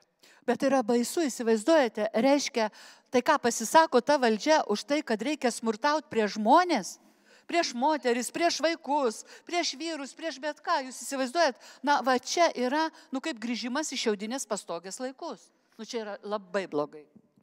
Tai vėlgi, Stambulo konvencija yra tik tai vienas momentas, kuris turbūt gerai iliustruoja, e, sakykime taip, elito, na, elito, politinio elito dabartinį požiūrį, ponia Šimonytė. E, čia tiesiog turbūt reikia visiems sustaikyti, kad e, procesas yra, supratimo procesas yra labai ilgas, e, visi daug turi apie tai kalbėti, daug pasakyti ir po truputėlį kažkas keisis. Na, aš e, pritariu tam, ką sako Užrinė, tik tai bijau, kad tai nėra Lietuvos fenomenas. Man atrodo, čia to postiesos pasaulio fenomenas, kai yra labai lengva susikurti priešą ir ant to priešo kupros tiesiog joti dėl vidinių politinių sumetimų. Ir tada, tiesą sakant, nelabai svarbu, kokia yra tiesa, nelabai svarbu, ar ten vertimas nevykęs, ar kažkas kažko tiesiog nesuprato, ar kažkas neskaito angliškai tinkamai ir todėl nesupranta, apie ką eina kalba vienam ar kitam dokumente. Na, paimkim tą pačią istoriją, užrinę labai patyrusi, nesusijusi su moterų temomis, bet vis tiek charakteringa su, uh, apie um, dekriminalizavimą arba baudžiamosios atsakomybės atsisakymą už mažą kiekį lengvų narkotikų. Taip ir tai irgi yra lygiai tas pats. Tu tada sukuri naratyvą, kad visi čia bus narkomanai dėl, vien dėl to, kad tu netai, nelegalizuoji nieko, tiesiog netaikysi baudžiamosios atsakomybės už nusikaltimą, kuris yra žymiai menkesnis negu daug nusikaltimų, kurie yra baudžiami administracinė tvarka. Ir kur net koks nors ministras Veryga pasakys, kad aš tam visiškai pritariu. Bet e, labai lengva socialinių tinklų pasaulyje, tos fake news pasaulyje, sukurti teoriją, kuri šiaip nieko bendra neturi su gyvenimu, bet kai ta teorija pakankamai išplinta, tai žmonės nustoja girdėti iš viso, kas jiem yra sakoma ir tada pasakai žodį Stambulo konvencija ar ten kažką panašaus ir viskas, nieko negirdžiu per radiją kalbų ir diskusija pasibaigia. O galiu truputį paprovokuoti Ingrida. Galiu? Taip, žinau. Vis tiek galiu. Va, aš, pavyzdžiui, žiūriu, dabar čia sėdžiu, e, e, e, Aušrinė iš liberalų frakcijos, Ingrida iš konservatorių frakcijos, aš tikrai tikiu, kad socialdemokratai. Žinot, čia yra trys ryškiausios skirtingų politinių partijų e, politikės. Yra dar viena kitos partijos ryškiausia politikė, bet jeigu mes susitiktumėme vienoje patalpoje, gali įvykti termobrandolinė reakcija. Todėl aš jos nekviečiau. Ne, ne, bet, bet, Edmundai, tai va, ir aš galvoju, kad jeigu padarytumėm taip, šitos visos partijos, tame tarp ir mano socialdemokratų, ir tikrai užtektų balsų. Na, pabandykim, na, pabandykim padaryti tą. Prašau, e, pasisakymas ar klausimas. Sveiki, mes čia labai daug skirtingų temų palėtėm, bet man atrodo, ir niekas nesikeis ir ankstesnės, ankstesnės moters klausimų, jeigu mes neturėsim toj valdančiai daugumoje ar ten nedaugumoje apskritai seime lygesnio procentų moterų. Nes jeigu mes čia vienos pačios diskutuojam, visos kaip ir sutarėm, bet tik tai moteriams ir skauda. Tai seime, jeigu bus dauguma vyrų, todėl niekas ir niekada nekels tų temų. Plus, kodėl viena, aš kelčiau apskritai visoms rytim tą patį klausimą, kodėl E, vien, e, turi vyrauti viena lytis. Seime, versle, socialiniam gyvenimui ir taip toliau.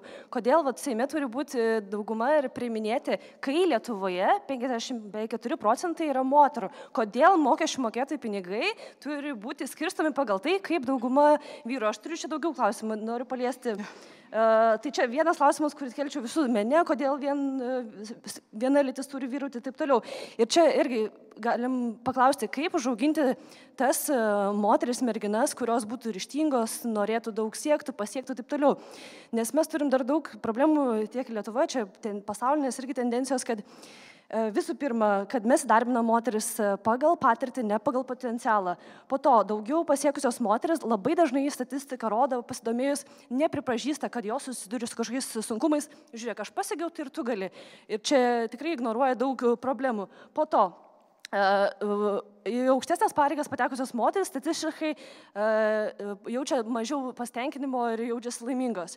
Tai čia yra begalė problemų, kurios. Taip, iš, iš tiesų paliesti. labai gerus palėtėte momentus. Mes taip pat, pa, jūs irgi norite pasakyti, ar ne? Prašau, prieikit prie mikrofono. Aš gal truputėlį jį kilstelsiu jums. Prašau. Aš turiu klausimą į tai, kaip yra vertinamas smurtas pačia, pačiame Seime, jog tai yra laikomas vos kaip uh, to eksporto dalis, kaip žmogaus teisės ir taip toliau. Ir man kilo klausimas, galbūt tai kyla iš to, jog Lietuvoje mes per mažai skiriame dėmesio pačiai žmogaus psichiniai sveikatai. Kaip pavyzdžiui, per mažai skiriame dėmesio tai, jog galbūt visos tos smurto problemos kyla dėl to, jog uh, yra viskas iš žmogaus būsenos ateina. Ir esmė tame, jog jeigu galbūt mes labiau visuomenę skatintume tikrintis, pavyzdžiui, taip uh, dėl, to, dėl tų pačių su savižudybių, kaip mes jaučiamės, jeigu visuomenė nebijotų kreiptis pagalbos ir eiti, galbūt mažiau ir būtų to ir smurto, ir savižudybių ir taip toliau. Puiku keletas e, momentų. E, Romėnai sakė, ar ne, įstatymas moko. Tai čia lygiai taip pat su neperleidžiamomis atostogomis, lygiai taip pat su kažkokiamis, pavyzdžiui, partinėmis vidaus taisyklėmis dėl kvotų, e, dėl minimalaus kiekio, pavyzdžiui, sąrašuose. Socialdemokratai čia turėjo visą laiką tą tradiciją, man atrodo, trys dešimtukė. Dešimtukė, keturi ir šeši. Kaip? Na, nedaugiau ne keturios, kaip, nedaugiau kaip... Minimum re, jos, keturios moteris. O kodėl, o Edmundai, o neteisingai formuluojat klausimą. O kodėl negali būti minimum keturi vyrai ir šešios ne, ne, moteris? Aš, aš, aš, aš neformuluoju, aš, aš visai to nesakau, kad tai yra teisinga proporcija, taip, gal taip, mes tas kvotas turim. Bet taip. kad tai turėtų būti. Čia e, klaus, kaip pasiekti, kad moterų e, parlamente būtų daugiau? Gal, gal tai galėtų būti įtvirtinta partijų programuose, vidinėse kažkokiose nuostatose ir taip toliau, kol tai netapo natūraliu dalyku. Ironiška, kad e, Tevinė sąjunga, kuri šiaip yra laikoma tokia gana konservatyve, bent jau kai kurių nuostatų požiūrių partija, tai pirmam dešimtukė po rinkimų ir turėjo penkias moteris ir penkis vyrus, kas galėtų pagalvoti, be jokių kvotų. Ir tiesiog buvo tokios rinkėjai. Čia jau taip rinkėjai. To, tokios buvo, bet nelabai buvo šokinėjimo didelio tarp dešimtukų. Tai turėčiau pasakyti, kad e, natūraliai tiesiog taip susiklostė ir turbūt ne visada dėl vidinių kažkokių dalykų, dėl tų pačių sunkumų moterim daryti karjerą partijoje, ne visą laiką partija gali pasiūlyti, tarkim, na, charizmatiškų žmonėms žinomų, atpažįstamų politikių, kurios galėtų, kurios galėtų tame sąraše būti ir mes vėl grįžtam į tą patį nulinį aukštą, kuris kalba apie tai, kaip lengva moterim daryti karjerą tame tarpe ir politikoje. Aš tiesiog iš tikrųjų galiu pasakyti, kad mūsų socialdemokratų partija tą uh, kvotas turi įsivedusi, kaip aš jau minėjau, ar ne? Ir mes sąrašus, kai sudarinėję, mums dar nepavyko padaryti vienas vyras, viena moteris, bet vis tiek, uh, na, bent jau keturi ir šeši dešimtukė turėtų būti. Lyg ir tvarkoj, kai sudarom sąrašus, bet žinot, atsakant jūsų klausimą, kai ateina laikas balsuoti, kas atsitinka, kad tos pačios moteris nebalsuoja už moteris. Va, čia šitą reikia keisti. Ir tada, kada nori norint, kad tavim pasitikėtų, už tave balsuotų, kad įsileistų tave į beprotiškai vyrišką politikų pasaulį, tu turi, kaip aš sakau, būti gerokai kokiam dviem galvom aukštesnė už vyrus, kad jie tave priimtų. Ir atsakysiu į kitą klausimą. Turbūt nesutikčiau su tuo, kad nebalsuoja už moteris. Turbūt e, sąrašuose esančios moteris yra mažiau žinomos kaip politikės. Tos, kurios yra žinomos kaip politikės, kad ir čia sėdinčios, jos neturi problemų būti sąrašo viršuje, net ir jas įrašius į apačią. Ar galiu pabūti nu, velnio advokatė kvotų klausimu? Aš iš tikrųjų manau, kad galbūt versle laikinai tai galėtų suveikti, nes tiesiog, nu, ir politikoje, tarkim, laikinai. Kuriant tam tikrą tarkim, tradiciją. Ieškant žmonių kompetitingų, nes jų yra, nes jų yra, tik ne visada mes jų randam. Bet aš nesu kvotų fanė, aš iš tikrųjų balsuočiau prieš kvotas, nes aš manau, tai yra labai nefeministiška. Į kažkokias pareigas skirti moterį tik dėl to, ne, nebūtinai tik dėl to, bet būtent uh, turint kriterijų lyties, iš karto ją padaro nelygia vertę tame kolektyve. Jūs sakot, po to, kai įvestas tam tikras kiekis įmonių valdybose, daug kas gali į valdybos narės e, žiūrėti, kad, a, jinai čia dėl kvotos tik yra, Taip. ne dėl savo kompetencijos. Aš manau, ta, aš nenorėčiau, kad problema. mane, aš nenorėčiau, kad mane paskirtų į kažkokias pareigas, na, tarkime, Seimo valdybos ar nežinau, kokias kitas kažkokias pareigas, todėl kad mums reikia daugiau moterų. Aušrinė, ateik tu ten dėl kvapo. Tai yra labai neprofesionalu, e, labai nefeministiška ir labai nelygia teisiška, sakyčiau. Na, Na bet tai. paprastas dalykas. E, įvestas yra neperleidimas atostogų. Dabar įsivaizduokim, kad e, Švedijoje tai būtų atšaukta. Tai liktų natūraliai. Tai liktų natūraliai. Įstatymas, na, moko ir kūrė tradicijas, kaip Jūs manot? Aš gal dar šiek tiek atitolsiu ir pažvelgsiu iš toliau. Labai teisingas klausimas. Ir, ir ką verslas mato, tai aš matau klientų bazę, matau klientų bazę, kur yra 55 procentai moterų Ir mano nuomonė, nu būtų kvaila galvot, kad šimtas procentų valdyboje vyrų galėtų atnešti sprendimą, kuris bus labai fainas ir tinkamas moteriai. Ir dar rinkėjų bazė irgi. Taip, matyt, tai mes jau seniai moterų. tą supratę ir mes šitą temą bendrai vadinam įvairovę, mes norim didesnės įvairovės, mes norim atspindėti natūralią įvairovę, kokia yra visuomenė. Tai kalba yra apie tautybę, mes turim Lenką valdyboje, mes turim vieną anglą, pusiau prancūzą, pusiau amžiaus įvairovė. Tai yra visi tie dalykai turi atsispindėti ir, ir teisingiausias turbūt sprendimas ateis tada, kai bus atspindys visuomenės ir tu galėsi vat, atsižvelgęs į visus kampus priimtą sprendimą ir tai bus naudinga organizacija ir pelninga. Kaip tą padaryti yra daug sudėtingesnis klausimas, bet mes taip pat turim tą proporciją 40-60 procentų vadovų lygmenį turi būti vienos lyties, tai gali būti nesvarbu kurios, gali būti daugiau ir iš tiesų išlaiko maždaug tą proporciją visose lygmenyse, tame tarpe ir valdyboje, bet ką mes labai teisingai padarėm apie penkis metus atgal, mes pradėjom ruošti pakeičiamus žmonės abiejų lyčių į kiekvieną vadovaujamą poziciją. Pavyzdžiui, teisės vadovas irgi turėjo ateiti ir pasakyti, kas bus sekantis, kaip angliškai tas gražus žodis successor, pereinantis į tą poziciją ir vyras, ir moteris. Ir kiekvienoje pozicijoje mes paruošėm po du kandidatus, kad tikrai būtų galima daryti atranką ne iš vieno žmogaus, o iš kelių bent kandidatų.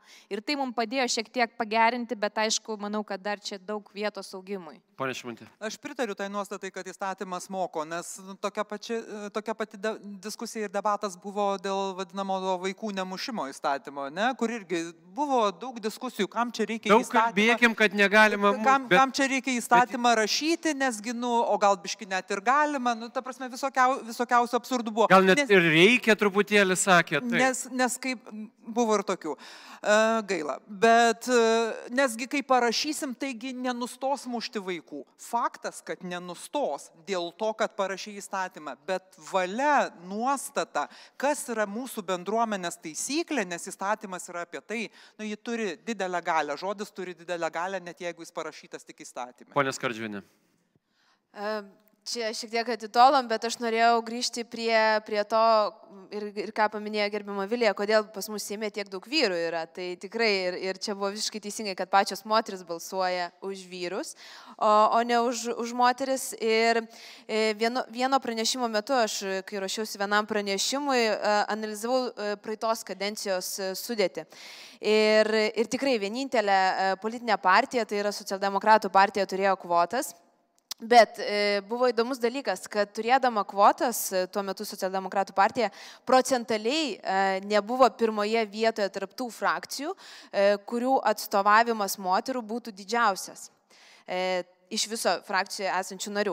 Ir aš tada gilinausi į priežastis, kodėl, nes rašiausi pranešimui ir pasirodo, kad net ir esant kvotom ir, iš, ir išreitingavus, e, atsiprašau, e, visą sąrašą pagal kvotą surašius kaip priklauso, vis tiek rinkimų metu balsuojant moteris ir, ir vyrai, rinkėjai bet kuriuo atveju išreitinguoja taip, kad moteris yra nustumiamos ir pirmame dešimtuke tada vis tiek lieka daugiau vyrų.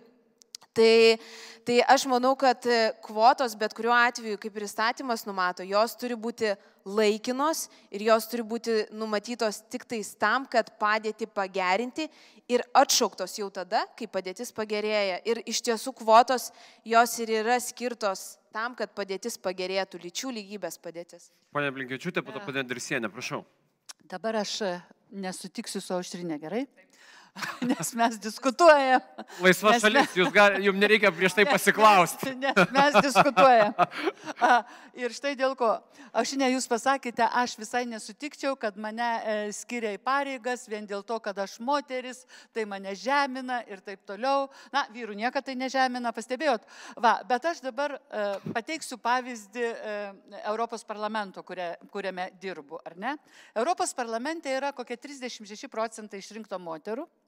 Ir mes darom, mes pasiekim tokį dalyką, kad, na, įvairiuose pozicijose, e, pavyzdžiui, parlamento pirmininko pavaduotojai, komitetų pirmininkai, vicepirmininkai vice, ir taip toliau, kad būtinai būtų tame tarpe ir moteris. Nes priešingų atveju mes nebalsuojam parlamente, mes netvirtinam parlamente. Yra 20 Europos parlamento e, e, komitetų, vieno iš jų aš esu pirmininkė, bet tai nereiškia, kad aš viena. Be manęs dar turbūt e, kokios aštuonios moteris iš 20 yra komitetų pirmininkės. Lygiai taip pat kaip yra ir pavaduotojas parlamento pirmininko, nes pas mus tai suprantama savaime, kad taip turi būti. Netgi yra atsitikę taip, vieno komitete, komiteto pirmininkai turi po po keturis pavaduotojus. Bet ar tai savaime, ar yra kažkokios taisyklės, e, reglamentai, susitarimai, Yra, ar tai tai yra yra tiesiog susitarimai, kuriuo tu laikaisi. Nes tam tikras Taip, precedentas taip, tai yra- iš, taip, iš kadencijos taip, į kadenciją? Taip. Ir štai pavyzdžiui, buvo vienas komitetas, man rodos, biudžeto ar ekonomikos, e, visus keturis pavaduotojus patvirtino vyrais, komitetas nebalsavo. Nebuvo jie patvirtinti tais pavaduotojais ir buvo pasakyta, kol nebus, na, gender sensitive jūsų komitetas ar ne, nusiteikęs palankiai lyčių atžvilgių, tol tam bus iš tikrųjų nepritarta. Ir taip mes po truputį einam į priekį. Pone Trisienė. Aš tai, kaip sako, nuo politikos vėl į namus, į artimą aplinką. Taip, taip. Tiesiog, kad būtų nu, pusiausvyra, nes visokių moterų Lietuvoje gyvena. Tai noriu pasakyti, kad e, vat, moteris kodėl nebalsuoja už moteris. Kai mes pradėjom dirbti prieš gerus 20 metų krizių centre ir aš galvojau, kai jau ateis pirmos moteris, tai ateis jų mamos, seserys, krikštų mamos, ateis smurtautojų mamos ir sėdėsim visos ir galvosim, kaip čia mums išlysti iš tos bėdos. Nieko nėra, absoliučiai. Ir jeigu kokiai močiutėjai, kokį skuodą paskambini ir sakai, kad yra nūkai, yra vasara, o mama labai stipriai dirba ir negali eiti atostogų, o mes nu neturim galimybių prižiūrėti jų tuos anukus, jinai sako, aš neturiu pinigų atvažiuoti, man nusibodo su tom problemom, man nusibodo tas smurtautojas, kuris nuo mūsų nenulipa ir panašiai. Net šeimoje nėra solidarumo. Tai man atrodo, jeigu mes padarysim jau, jautrius santykius, va, kaip sakė, mokykloje, ne geografijos išmokti ateinam, o išmokti gyventi, rasti žinias, jas panaudoti ir santykiai. Ir jeigu jau namuose tų santykių nėra, Sako, atėjo asmeninės savybės kur kas svarbiau negu gauti. Ten viską gali paskaityti ir kilometrų, ten daugybos lentelė, viską gali rasti. Bet jeigu tu neturi vertybių, tai tos tavo žinios jos niekam absoliučiai, kaip sako, turi protą, bet neturi išminties jį naudoti. Tai man atrodo, kad va, moterų solidarumas, eikim į šeimas, padėkim, padėkim 54 plus, vaikus padėkim žiūrėti, tegul jaunieji nedirba, tegul uždirba, gyvena ne iš pašalpų. Man dar, žinot, kas kelia nerimą ir aš neturiu ką pasakyti savo gyventojams. Jos nueina dirbti, atidirba 8 valandas valytoje, dirba gerai, sąžiningai, tvarkingai, pareina ir gauna kompensacijas dar už kažkokius dalykus. Tai kodėl e, nesumoka į tos algos, kad jinai galėtų savo biudžetą normaliai dėlioti. Aš tada bureliam turiu pinigus, aš galiu senatvėje pasidėti, aš galiu gal kokį vaistą mandresnį nusipirkti. Ir šildymo kompensacija kažkokia atsiranda, suprantat, ir, ir taip žmonės dirba, net dviese paskui šeimoje dirba. Jie ten būna ir smurtautojai darbinam, kad jis galėtų alimentus mokėti ir neturėtų dabar sodroj skolų. Ir suprantat, bet man šito nesupranta, jeigu dirba ir neuždirba, o dirbantis žmogus gyvena su pašalpom, tai ir ypač didžioji dalis moterų ir gaudamos net pašalpą socialinės išmokos jos skursta. Ir ne tai, kad duodam pašalpą šešiem mėnesiam, duodam didelę sumą ir reikalavimą. Tu turi viens, du, trys padaryti. Valstybė pažiūri vaikus, įdarbinam šeimos darbo režimas, darželiai dirba septynias dienas savaitėj, viskas dirba. Vienas bankų norėjo dar, sakau, dešimtais metais atidaryti privatų darželį, neleido. Neleido. Sakė, nu ką jūs čia nonsensas, lygom užsikrės. Blogai, čiagi buvo. O mes tada atidarėm tos darželius, padarėm tas mėgančias grupės kitas. Tai kaip ta moteris gali ateiti į politiką, jin ten tuose namuose nepasitarėm? Aš tiesiog Taip. Prašau, prašau. labai jūs e, teisingai palėtėt, ir, nes iš tikrųjų yra didelė problema, žinot kokia, visi čia žino, daugelis žino. Įsivaizduoju, kad mūsų atlyginimai yra antiek maži, kad apie 7 procentai dirbančių žmonių, dirbančių ir gaunančių atlyginimą, skurde gyvena, todėl kad nepakankamos pajamos yra. O, o pas mus buvo dar toks vienas atvejas Europos parlamente, tik pasakysiu ir gal daugiau nekalbėsiu tą temą. Žinot, koks būna požiūris, netgi vyrų politikų. Pas mus Europos parlamente vienas Lenkų, Lenkijoje išrinktas parlamentaras, kada mes svarstėme labai opę temą, kodėl vyrų ir moterų atlyginimai skiriasi Lietuvoje 14, Europos Sąjungoje 16 procentų, paskui pensijos 40 procentų, moterų yra mažesnis. Tai jis atsis- 40. 40 procentų. Va, vyrai, jūs, kadangi 11 metų mažiau, trumpiau gyvenate Lietuvoje, jūs išeinate iš ten, iš kur niekas negrįžta, paliekate mus vienas, kada, su viena pensija, kada mums reikia 40 peties procentų mažesnė. Taip, taip, mažesnės pensijas, tai yra tikrai skurdas moterų vyresnio amžiaus, jūs minėjot, yra labai didelis. Ir tas parlamentaras Lenkijoje rinktas, žinot, kaip jis pasakė, kai mes svarstym tą temą atsistos. O jūs, moteris, Esat mažos, kvailos, mažiau protingos, sako, į todėl, kadangi jūs tokios esat ir turit mažiau uždirbti. Žinot, kas atsitiko, mes galvojam, kad jį, na, suplėšysim. Praktiškai, praktiškai jis buvo išprašytas iš plenarinių posėdžių salės. Parlamento pirmininkas Tajanė jam pritaikė pačią aukščiausią bausmę piniginę, jis negalėjo atstovauti apskritai niekur Europos parlamento vardu. Na ir jis kovo mėnesį paliko, išėjo iš Europos parlamento, parašęs mums laišką, kad aš grįžtų į savo valstybę laisvę, Lenkiją, kur žodžio laisvė yra galima, o pas mus Europos parlamente nėra, pasirodo, žodžio laisvės. Jeigu tu negali kito žeminti, kit, iš kito tyčiotis, tai šitaip suprantama primityviai žodžio laisvė. Mūsų diskusijos laikas, aišku, jau baigėsi, bet laisvės tava yra gera tuo, kad jinai nebūtinai turi baigtis tada, kada turi baigtis, nes čia nėra po to sekančios laidos ir, ir taip toliau. Mes galim baigti kalbėti tada, kada norim. Ir aš pabaigai labai norėčiau kažkad, e, man atrodo, Andriaus Tapino laidoje girdėjau Ingridą Šimonytę sakant kažkokioj diskusijoje, jums kažkas yra e, replikavęs, e, o tu visai protinga pasirodo kažką, kažką tokio. Na, supras kaip moteris, tu tu pasirodo visai protinga. Tai mano klausimas ir būtų turbūt pabaiga apie asmeninę patirtį. Ar kuri iš jūsų esat susidūrusi su tuo, kad būtumėte vertinama tik pagal lytį, pirmiausia, o tik po to pagal sugebėjimus. E, Pone Aušinė. Labai dažnai. E, labai dažnai. Pirma patirtis Seime. E, pirmą savaitę mes atėjome su vienu irgi jaunu politiku į vieno komiteto sekretariatą užregistruoti pasiūlymą. Ir e, darbuotoja pagalvoja, kad aš esu to politiko padėjėja. ir kai aš pradėjau rašyti, sako, hm, tai... Ir taip labai dažnai, jeigu kažkas nepažįsta, na tarkim, nesidomi politika ir paklausia, kur tu dirbi, ir aš sakau Seime, Pirmas klausimas tada bus, tai kieno padėjėja tu dirbi. E, nes, na, ašgi negaliu būti politikė, nes aš esu moteris ir aš esu jauna. Tokie politikai nebūna. Tai mano vienas iš, na, tikslų politiko yra pakeisti šitą požiūrį, na ir parodyti žmonėms ir jaunoms merginoms, kad galima eiti į politiką, galima eiti į verslą, užimti pareigas, prisimti atsakomybę ir eiti į priekį. Pone Skardžinė, jūs esate moteris ir esate jauna. Ir gal net bendramžė, gal... Vadovaujat valstybės e, instituciją, esate susidūrus? E, su litim ne, e, bet esu susidūrus su, su, su tokiom panašiom reakcijom būtent dėl amžiaus, kad labai jauna. Tai Tai vis tiek, vis tiek tas mano darbas, aš jau dabar jau e, nesu jauniausia, bet dažniausiai nuo 19, 19 metų pradėjau dirbti, aš visur būdavau jauniausia. Ir, ir tikrai, kur beičiau, visą laiką yra tikrai pirmas, jeigu dar šalia manęs būna mūsų skyriaus dabar, dabar vedėjas teisininkas ar, ar kitas e, iš tarnybos darbuotojas, jūs, tai jūs dažnai jūs jo padėjėjote. Sumaišo, aš manau, arba net nežino, kad kad kontrolierė esu aš. Ir aš manau, kad tai yra šiuo atveju būtent dėl amžiaus, ne, ne dėl lyties. Pone Blinkevičiūtė.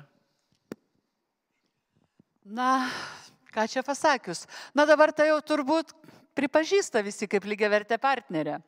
Bet eit link to reikėjo turbūt daugiau kokį 20 metų. Nes aš atsimenu, kai tapau viceministrė, Man buvo tik 34, tuo metu buvau labai jauna, tai 24 metai atgal. Tada buvo, atsimenu, su kasa ilgais plaukais, tai buvo irgi lygiai tokiu pat atveju, kad galvodavau, kas čia tokia atėjo, ar ne?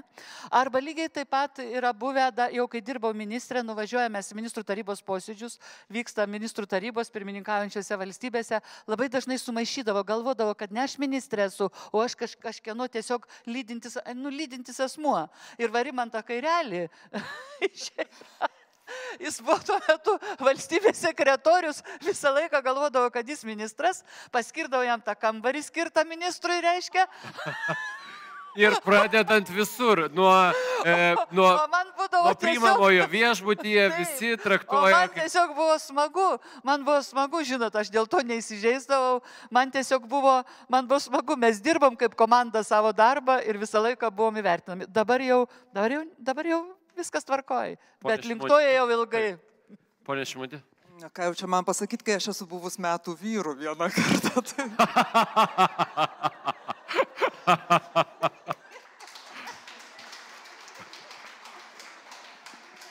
Tai net jeigu juokais, bet vis tiek yra apie ką pagalvoti. Bet kad mes negalvotumėm, kad čia yra kažkoks va, toks lietuviškas fenomenas, tai irgi panašiai kaip Vilija galiu prisiminti vieną juokingą istoriją, kai buvau visai neseniai paskirta ministrė ir atvažiavau į pirmą neformalią tarybą, kur susitinka centrinių bankų vadovai ir finansų ministrai. Ir kadangi tai būna neformalus renginys, tai paprastai atvažiuoja ministrai ir vadovai su savo antrosiom pusėm, kurios ten turi savo programą.